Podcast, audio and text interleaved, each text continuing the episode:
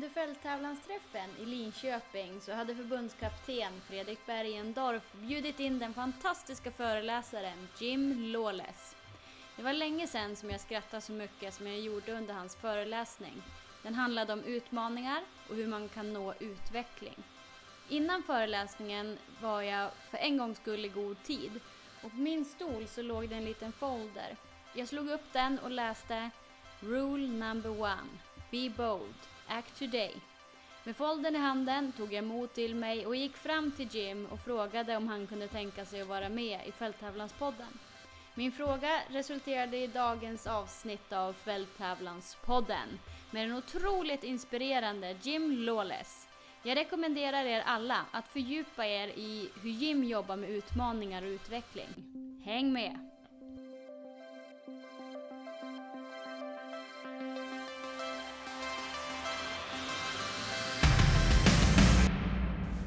Welcome to Fälttävlanspodden, Jim Lawless.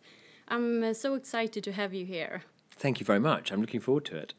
Could, could you tell me who are you?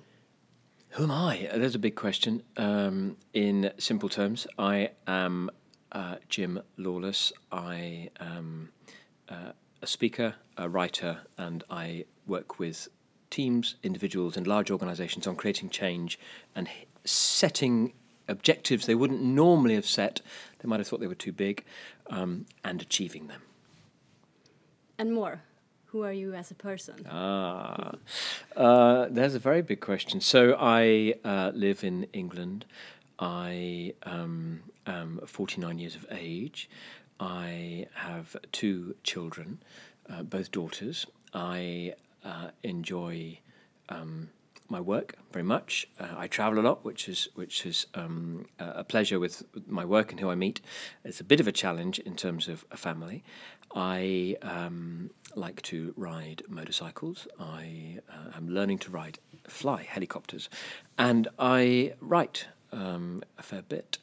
I make videos about the things that I speak about, and uh, I find it very important to be able to speak from a position of uh, experience rather than theory. So, uh, in any idea or framework that I work with clients with or write about for everybody, I will always test it on myself first. So, I took a challenge to use my work on um, large scale transformation to become a jockey in 12 months from sitting on a horse, um, uh, 12 months from taking the bet. And I uh, decided then to test some new ideas on um, high performance by becoming Britain's deepest free diver and going to 100 metres. And at that stage, no Briton had been past 100 metres on a single breath without a tank. Um, so I did that as well. So does that answer the question? Yeah, Good. very good. Thank you. um, it's good that you have some experience of horses since you're on a eventing podcaster right now. Yeah, well, I think the people listening uh, can ride a lot better than I can, but um, I'm delighted to be here. Uh, how did you end up in Sweden? Well, I um, spoke at an event for British eventing, uh, B- uh, BEF in the UK, and Fred Bergendorff came along to that. And I think we shook hands, but I didn't really realise who he was. There were a lot of people in the room. And uh, he had remembered that. He's working, as you know, with a wonderful guy called John Pitts. And John and I have been friends for a long time, and he's helped me with horse racing and with free diving. So that created a triangle which ended up in a dinner one night. And out of that dinner came the idea that as this was event was coming up, would I come along and, and contribute during the afternoon? And it's always interesting for me to think when I'm speaking to people who can really ride horses and really know what they're doing with horses, because I don't, um, on in that deep way, um, to see whether they will. Uh, uh, and not that my presentation is about isn't about horse racing, but see how we're going to get on, whether they'll um, whether they'll let me into their world for the afternoon. And and I have to say this has been a very hospitable audience, and I hope I hope a very a very useful afternoon. It has been a useful afternoon, and hopefully, I can bring some for all the people who are not here tonight, and they can listen to the podcast there. Wonderful. Uh, can you describe a typical Swede?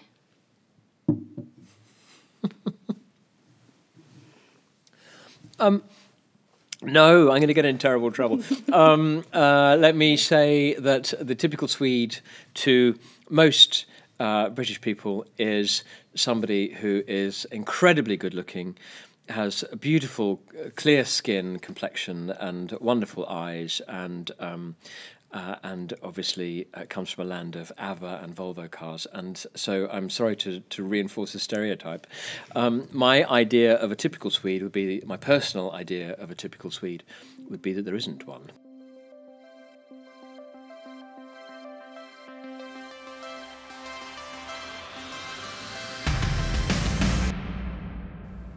What makes you so successful? Oh, um, well, I would query, I would question um, the presumption in your question about success. There are lots of different ways of measuring it, and in some ways, um, I'm happy with what's been achieved. Some ways, I'm not.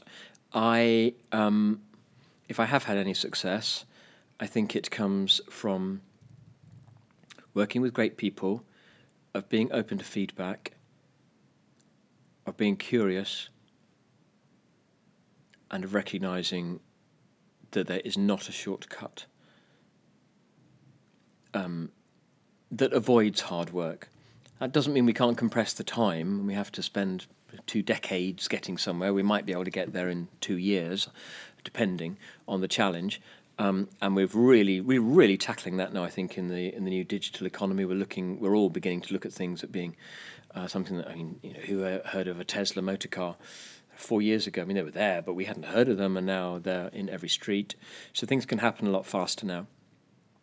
Um, but there is no shortcut for um, the hard work that, that is required. Is there, in short terms, um, a way that you can describe what you have learned from the people who um, uh, have been in your past? That we are almost almost infinitely more free than we think we are. So we place a lot of restrictions on ourselves. I don't mean in terms of our moral behaviour or how we look after other people or how we conduct ourselves. Restrictions on ourselves in terms of what might happen in our lives, where we might go, who we might, whom we might meet. I'll give you an example. One of the principles that we discussed this afternoon, which is Rule Five of the Ten Rules for taming tigers, and anybody listening um, can download a completely free um, app and and um, explore the videos on all of those ten rules. But but um, one of the rules that we looked at was rule number five, which is that the tools for taming tigers are all around us, and included in those tools, taming tigers being the model that, that, the name of the framework, um, and the tools are all around us. Uh, and one of those tools, the most important um, the tool isn't quite the right word for it, but is people. And uh, so, uh, one of the strongest reactions to my work is I don't agree with this idea. I, people won't help me. They might help you because you're some speaker. And I said, well, I wasn't. I wasn't a speaker. I was just an ordinary person, but uh, whatever. But they will argue and they will challenge. There was one gentleman in the United States who was um, an officer on an aircraft carrier, and he was senior, he had a lot of responsibility, and he read my book and really was angry with this idea that people would help him. So he started contacting um, professors of leadership at business schools, all the people he wanted to speak to, to give him advice on how to change things on his ship. And um, and he started contacting one of these people. Eventually, he contacted me. He rang me up and said, "Look, I've I've got to tell you, I had a real problem with you. I didn't like you, and I didn't like what you wrote, and it really made me angry. So I decided to prove you wrong." But everybody's written back to me, and now I'm having dinner with business professors, and they're coming to visit my ship, and they're giving me advice. so, so um, I think one of the most important things is recognizing that the, the, the people around us will help us um, way more than we think, to do things that we didn't imagine we could do. I, I have to agree with you because um, yesterday the podcaster turned one year. Hey, congratulations. Thank you. And uh, uh, when I started a podcaster, it was an idea that I got. And I was like, okay, I'm going to do this. And I sent off 20 emails to 20 famous uh, eventing persons. Yeah. And I said, hi, I'm doing a podcaster, and the purpose is this. Do you want to be in it? And I was thinking that when I send the emails, I'm going to get perhaps one or two yes, but I got 19 and one maybe. Way. and that was the, the start of it. And uh, I didn't have a microphone, so I had to call a friend who called a friend who called a friend, and then I got to borrow a microphone. And I didn't have a computer, so I called a friend and I asked if I could borrow her computer, and of course I could.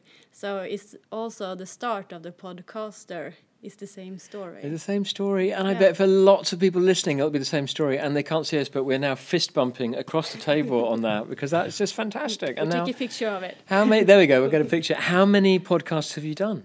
I've made 13 um, Yeah. so far. So come on. Yeah. Congratulations. What a great Thank story.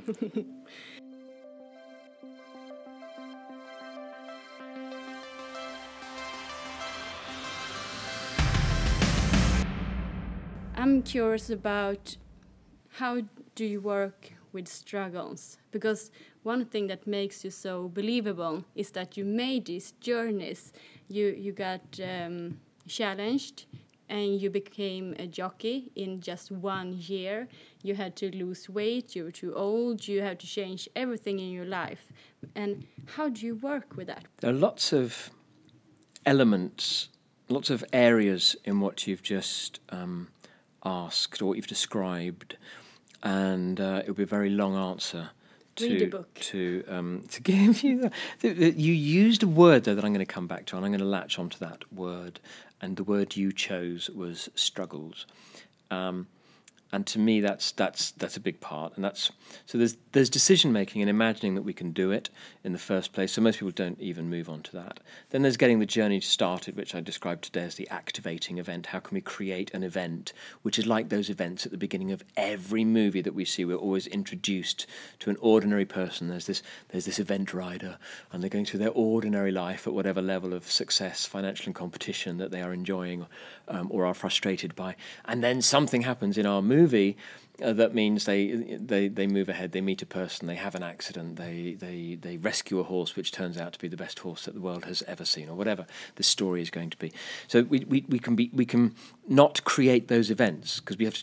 We can't wait for life to give us those events. We can wait for a long time if we do. So how can we create those events? But then to return to your words, struggles. I think we need to know why we're doing it. Um, and it needs to be a real deep reason for us why we're doing it. Uh, that will help us through struggles. I think um, that people are the most important things to help us through those struggles, those days where we don't really want to do it, or we're worried that it won't work, or something has gone wrong, or money isn't looking so good, or the horse went lame, or whatever it is that's come to get us at that moment, our partner's left, or something. And then things go wrong for us along the path. And I think having people around us right from the beginning as a part of the journey are huge. And again, we'll tell ourselves that they won't help me.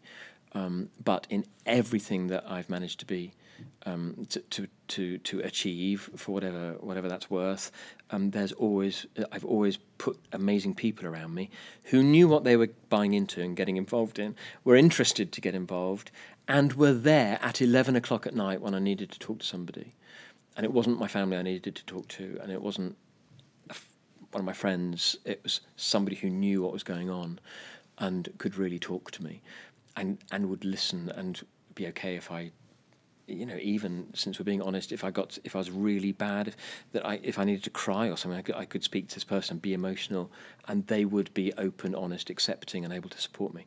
Now that's not to say that in my challenges I you know things were awful and I was going around crying all the time. But if we set ourselves big challenges, we're going to hit some big ups, some wonderful days, meet some incredible people, have some fantastic breakthroughs, and then we're going to have some days when it's just terrible. or we can live more slowly and in a more easy way, which is cool. But if this is a podcaster for event riders, I'm imagining that you know, they didn't choose to live a slow, easy life, right? Right. When you work professionally, what are your keys when you work with people? How do you win people over? I think I, I, I suspect quite a bit of it is intuitive um, from years of doing it. So I may not be giving you a very complete answer. I think you touched on it already is authenticity, um, and I try to be. And I don't think it's easy to fool successful, hardworking people with some snake oil, um, quick fix, expensive thing, um, which is not what I do. So, and I think because I, I do insist on having walked it before I talk it, um, I have that advantage too. So that usually opens up conversations, and then a level of authenticity and honesty in the conversation, and then um, the other really important part I think is listening.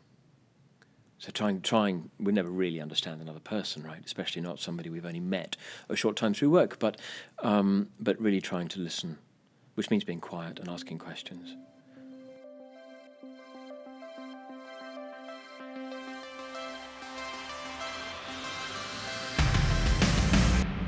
Was the jockey challenge the first challenge that you did, or was it a free diving?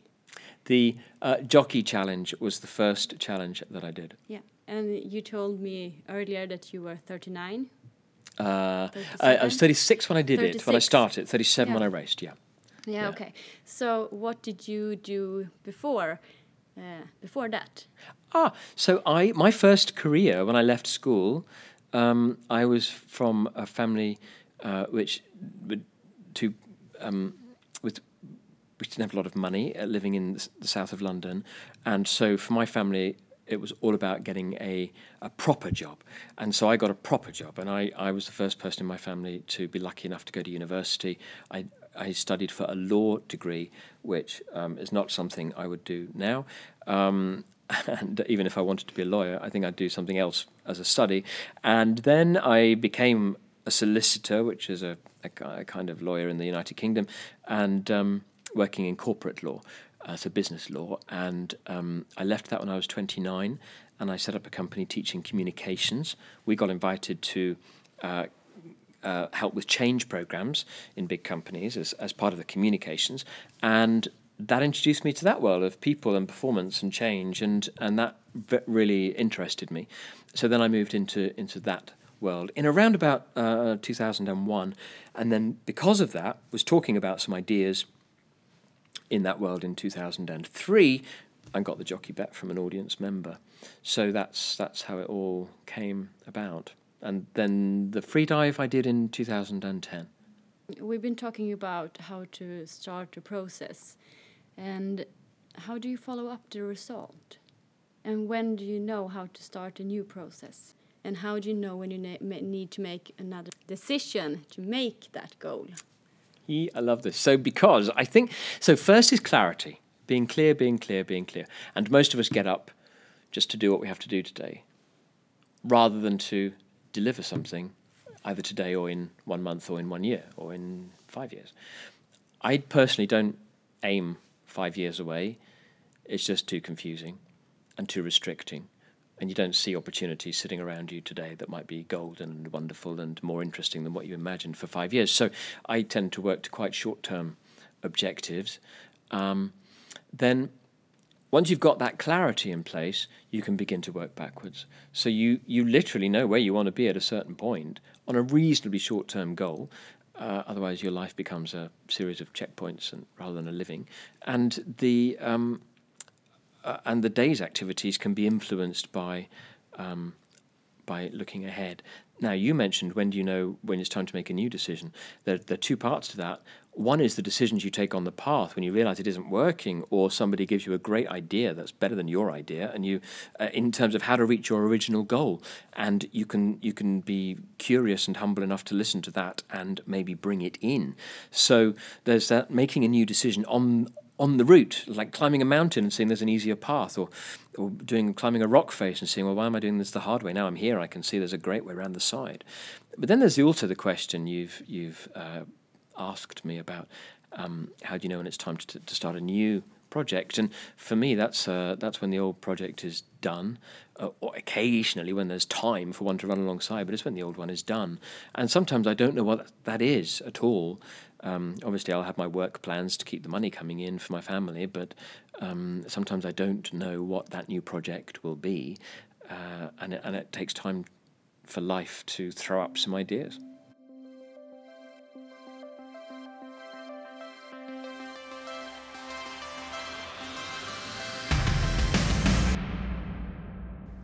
Of all the persons you have worked with, who made most impact on you? Wow. So many people, that's a long. And, and some people through a comment that if I rang them now and told them the impact that made, would be amazed to hear it. Uh, but it was a comment that meant a lot at that moment, and I went home and thought about it. Others through real loyalty and really giving a damn about me. And the person, without doubt, who made the biggest impact on my life, and she does know this, is um, the uh, person who helped me to become a jockey. And her name is Gee Bradburn. She was called G. G. G. W. Armytage, and she is the most successful female jockey that England has ever has ever come out of England, and um, she was the person, the only person who said, Yeah, I think we can do this with the horse racing challenge.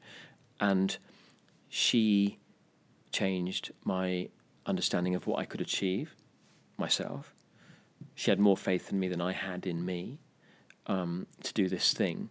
And of course, once you do a thing, you can do other things, right? You've, the whole game has changed. So she changed everything, therefore. She changed my life expectancy.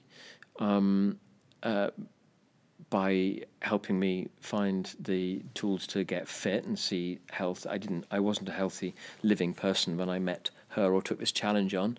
Um, she uh, introduced me to the most amazing people who also helped me, like people like Tina Fletcher, the show jumper, um, who know, why, how I could possibly have deserved to have had people like this working on my team. I've no idea. I just asked like you, and they helped. Um, so I had Tina Fletcher as my riding teacher. I mean, that's just crazy. I had Gee Armytage riding beside me on the gallops, shouting advice to me. That's just crazy. I had um, other racehorse trainers who, because G introduced me to them, were willing to help. It's crazy.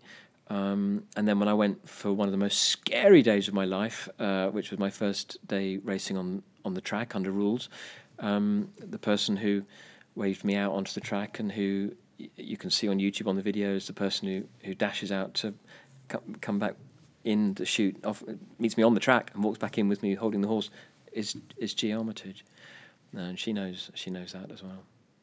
Can you d- describe her? What does she do that is so amazing? What she did for me was, or why was she like such a big impact on me? You know what she did?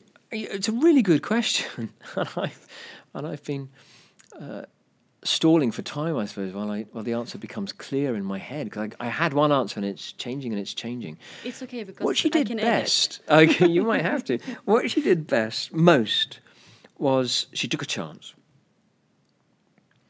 She believed that. Maybe she believes this of all people. Maybe she just believed it for some weird reason of me. I don't know that I could do more than I thought I could do she didn't see the blocks that I saw. But then, and this was the most important thing, and it sounds so simple, but it's not. She broke it down for me into chunks that I could I could eat. And if I'd eat, had to eat the whole thing in one sitting, weird metaphor, I I I would have been terrified by it. But she worried about the whole thing, and she just fed me a chunk every day that I had to cope with, and made me uh, asked me to trust that process. So um, literally day one, what I had to do was turn up at the shop, and she showed me what I had to buy to look like I could ride out because I didn't know, right? and um, I would have turned up in some weird, you know, livery riding kit, but that I bought in some shop somewhere. But you know, racing people dress very differently. So uh, even right from that step through to okay, I need you to do go walking every night. To I need you to go running every night. To I need you to work with this person at the gym uh, she broke it down into chunks. And I think that's a really important thing with anybody taking on a daunting goal because we might think, well, I can't make it to the Olympics. Let's break it down into chunks. Lots of people have gone to the Olympics as event riders. How did they do that? Right? so let's go and find out. Yeah. And let's break it into chunks uh, and let's, let's go to the Olympics. How do you work with um, things that you have to sacrifice? Because if you're into a special goal and you work really hard, you need to make sacrifices. How do you deal with that? everything's a balance. I mean, everything's a balance. So, if to have an incredible experience, you can't eat cakes, well, that's cool. I find it more difficult now that I haven't got racing in my sights, and all I would don't, you know, I, I want to not eat cakes because I want to like to live a long and healthy life. But if so, that keeps me in reasonable shape. But if I wanted to not eat cakes so I could look cool on the beach, I'd be in trouble, right? I just don't care that much about looking cool on the beach, so it wouldn't it wouldn't uh, keep me off cakes. Now everything's a balance. I think we get het up.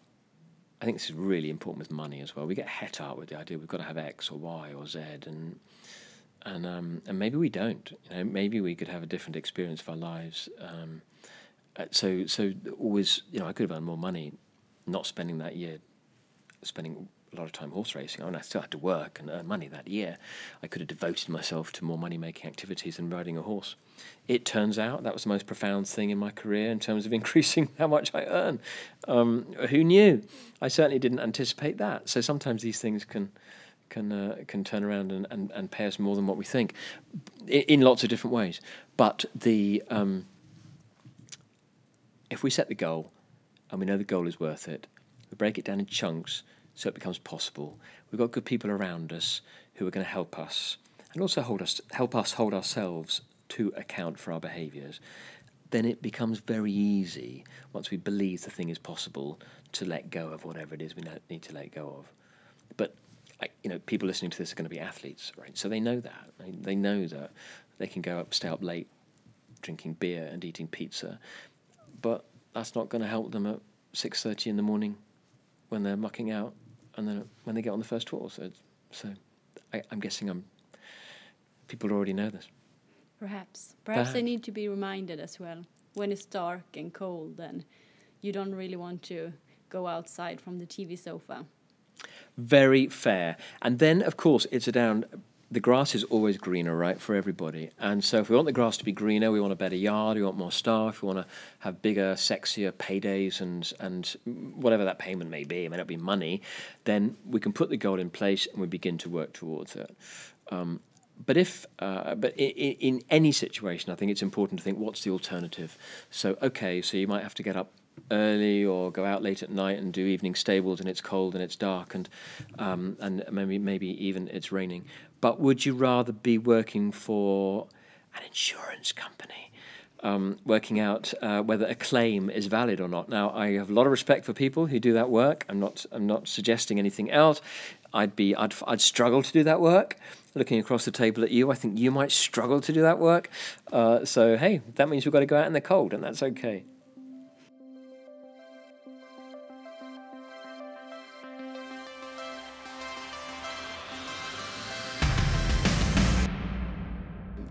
Are your goals for the future? I have a three year old daughter, and I didn't expect five years ago that a new um, child would come into my world. It's the most brilliant thing. It has changed a lot how I've planned the next 20 years, both in terms of how I want to spend my time and who I want to spend it with, and also in terms of um, uh, economic realities.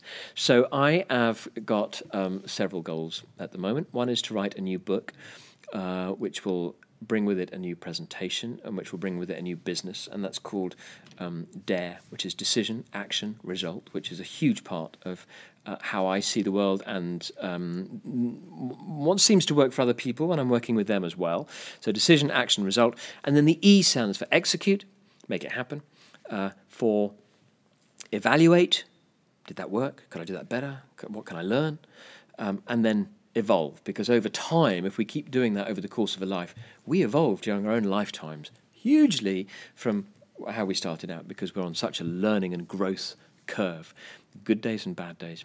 So that book and that business, the business for other people, deliver that program into um, uh, organizations and teams and sports teams. Uh, so that will go out um, uh, beginning of next year. So that's and that that will be something that I'll be devoting a lot of my time to, uh, which I probably wouldn't have been on my radar five years ago. But that's um, that's the economic side, and also because it's a huge passion, It'll be great fun to do it. And then on the personal side, I'm learning to fly helicopters. So that's my next personal goal. That is um, very interesting. A lot in common with horse horse riding and free diving. Do you ever have those moments when you're approaching um, a big jump or an obstacle, and uh, there's a little bit of your head starts to go off on a voyage of imagination, saying, "I can't do this. We're not going to make it," or whatever maybe you don't. You're looking at me very serene, like you don't have that moment. Uh, I, I do, and of course, on the horse, you've got to bring it back, and you've got to, you've got to do what you'll, you'll know more about this, and your listeners will than I do. But you've got to bring it back and approach it with confidence. It's the same with the helicopter, and it's exactly the same free diving. My first time solo in a helicopter. Um, I took off and just followed the process to take off, and then suddenly I'm in the air on my own without a teacher in a flipping helicopter. And my head immediately started creating scenarios. and so uh, they had to be brought back. So that's been a fascinating learning curve as well. And it'll be a work tool for me because my job actually is travel. So that'll, and it combines with my new daughter so I can get back to pick her up from school, having gone off and done a meeting somewhere. and uh, In a helicopter? In the helicopter, exactly. That's the oh, plan, yeah. Cool. Yeah, which makes me sound very flash and rich. I, I, am neither, um, but but I but I uh, uh, it's it's a practical thing, and I think I can work it economically within the business uh, to to make to, to make it all work. Mm, in the beginning, you work with really big corporations. Um, I saw your web website, and still you're here tonight for free. Wasn't it like that? Yeah, sure. Why? well, why do I work with big corporations? Because it's really good fun. They're really complex. They've got big oh, issues. Why are you here for they have, uh, yeah, okay. I'll no, I'll definitely come to that. and uh, because they. Um, uh, because they have uh, a huge impact on our economies and the taxes they generate and the jobs they generate pay for hospitals and roads. And so I'm very um, pro good, responsibly managed business, and, I'm, and I love getting involved in those big organisations uh, and their challenges. Why then would I come here at the weekend um, for free? Because it was a huge honour to be asked by um, Fred Bergendorff and uh, his team. I'm really excited about what um, is going on in Swedish eventing, and the new there really seems to be a lovely energy coming. Um, I don't know if you would agree if you're feeling that. There's a huge energy. It reached all the way to me in Cheltenham, weirdly through the telephone, then through dinner, um, because people have given me a lot, and I don't see any reason why. In fact, it's a huge honour to be able to give something back. Um, you can't always do it in a linear way, directly back to those who give, although that has happened. Um, but um, when somebody's kind enough to suggest that you could do something that would be beneficial um, uh, uh, for a group such as was gathered here today in um, uh, Linköping, then I think it's just fantastic to be able to. And the diary worked, and here I am. It's been a great day, lovely day. Yeah, we are very grateful. Oh, well, very kind. It's been, no, it's been great fun. Uh, what would you like to recommend for the podcasters listeners? Would you recommend a book or to read something about a person or listen to another podcaster or buy something or? Well gosh what has been a big influence? I think if it was like one thought that i was leaving the podcaster with would be um, creativity and by that I mean looking at a problem and thinking, how could this be solved, rather than whether this can be solved. And so I was having dinner the other day, uh, and oh wow! And I was sitting opposite a, a, a guy who runs a big division of a big company, and he's also a best-selling crime writer. And I said, "How did you a start crime writing and b um, make the time running this very serious division of a very serious business, and he's obviously doing it very well. Um, how did you um, uh, find the time to uh, to write? And and he said it was so simple. He just looked across the table. He said, "I gave up TV." Said I couldn't give up my family. He's a he's a father. He's a husband. I couldn't give up my family. My family gathers in the evening to watch TV to relax. So I couldn't give them up. I didn't want to sit in another room. So I discovered noise cancelling headphones. I discovered some music that I could play quite loud that didn't distract me from writing. Uh, he uses movie soundtracks, and he also chooses a movie soundtrack that will help him with the mood of that chapter that he's trying to write. And he will sit with his family, but he doesn't watch any TV anymore. He writes his crime novels, and he's now an Amazon best-selling crime, a proper international crime author. And I just loved that. And, I, and it reminded me of how I've got about some challenges too. How do we solve this problem? How do I find the time? What have I got to get rid of? And most people assume they're entitled by some thing to watch TV for three hours every evening or whatever it may be, or two hours or something, and drink wine. And, um, and hey, by chucking that out, there we go. Creativity. Yeah. Amazing. Um, I'm really honored to ha have had you on the podcaster. It was really nice. I'm very grateful. It was lovely to talk to you. It was a huge pleasure. I hope I've said something uh, vaguely interesting, but it was a huge fun to be with you and every success. Thank you. Thank you.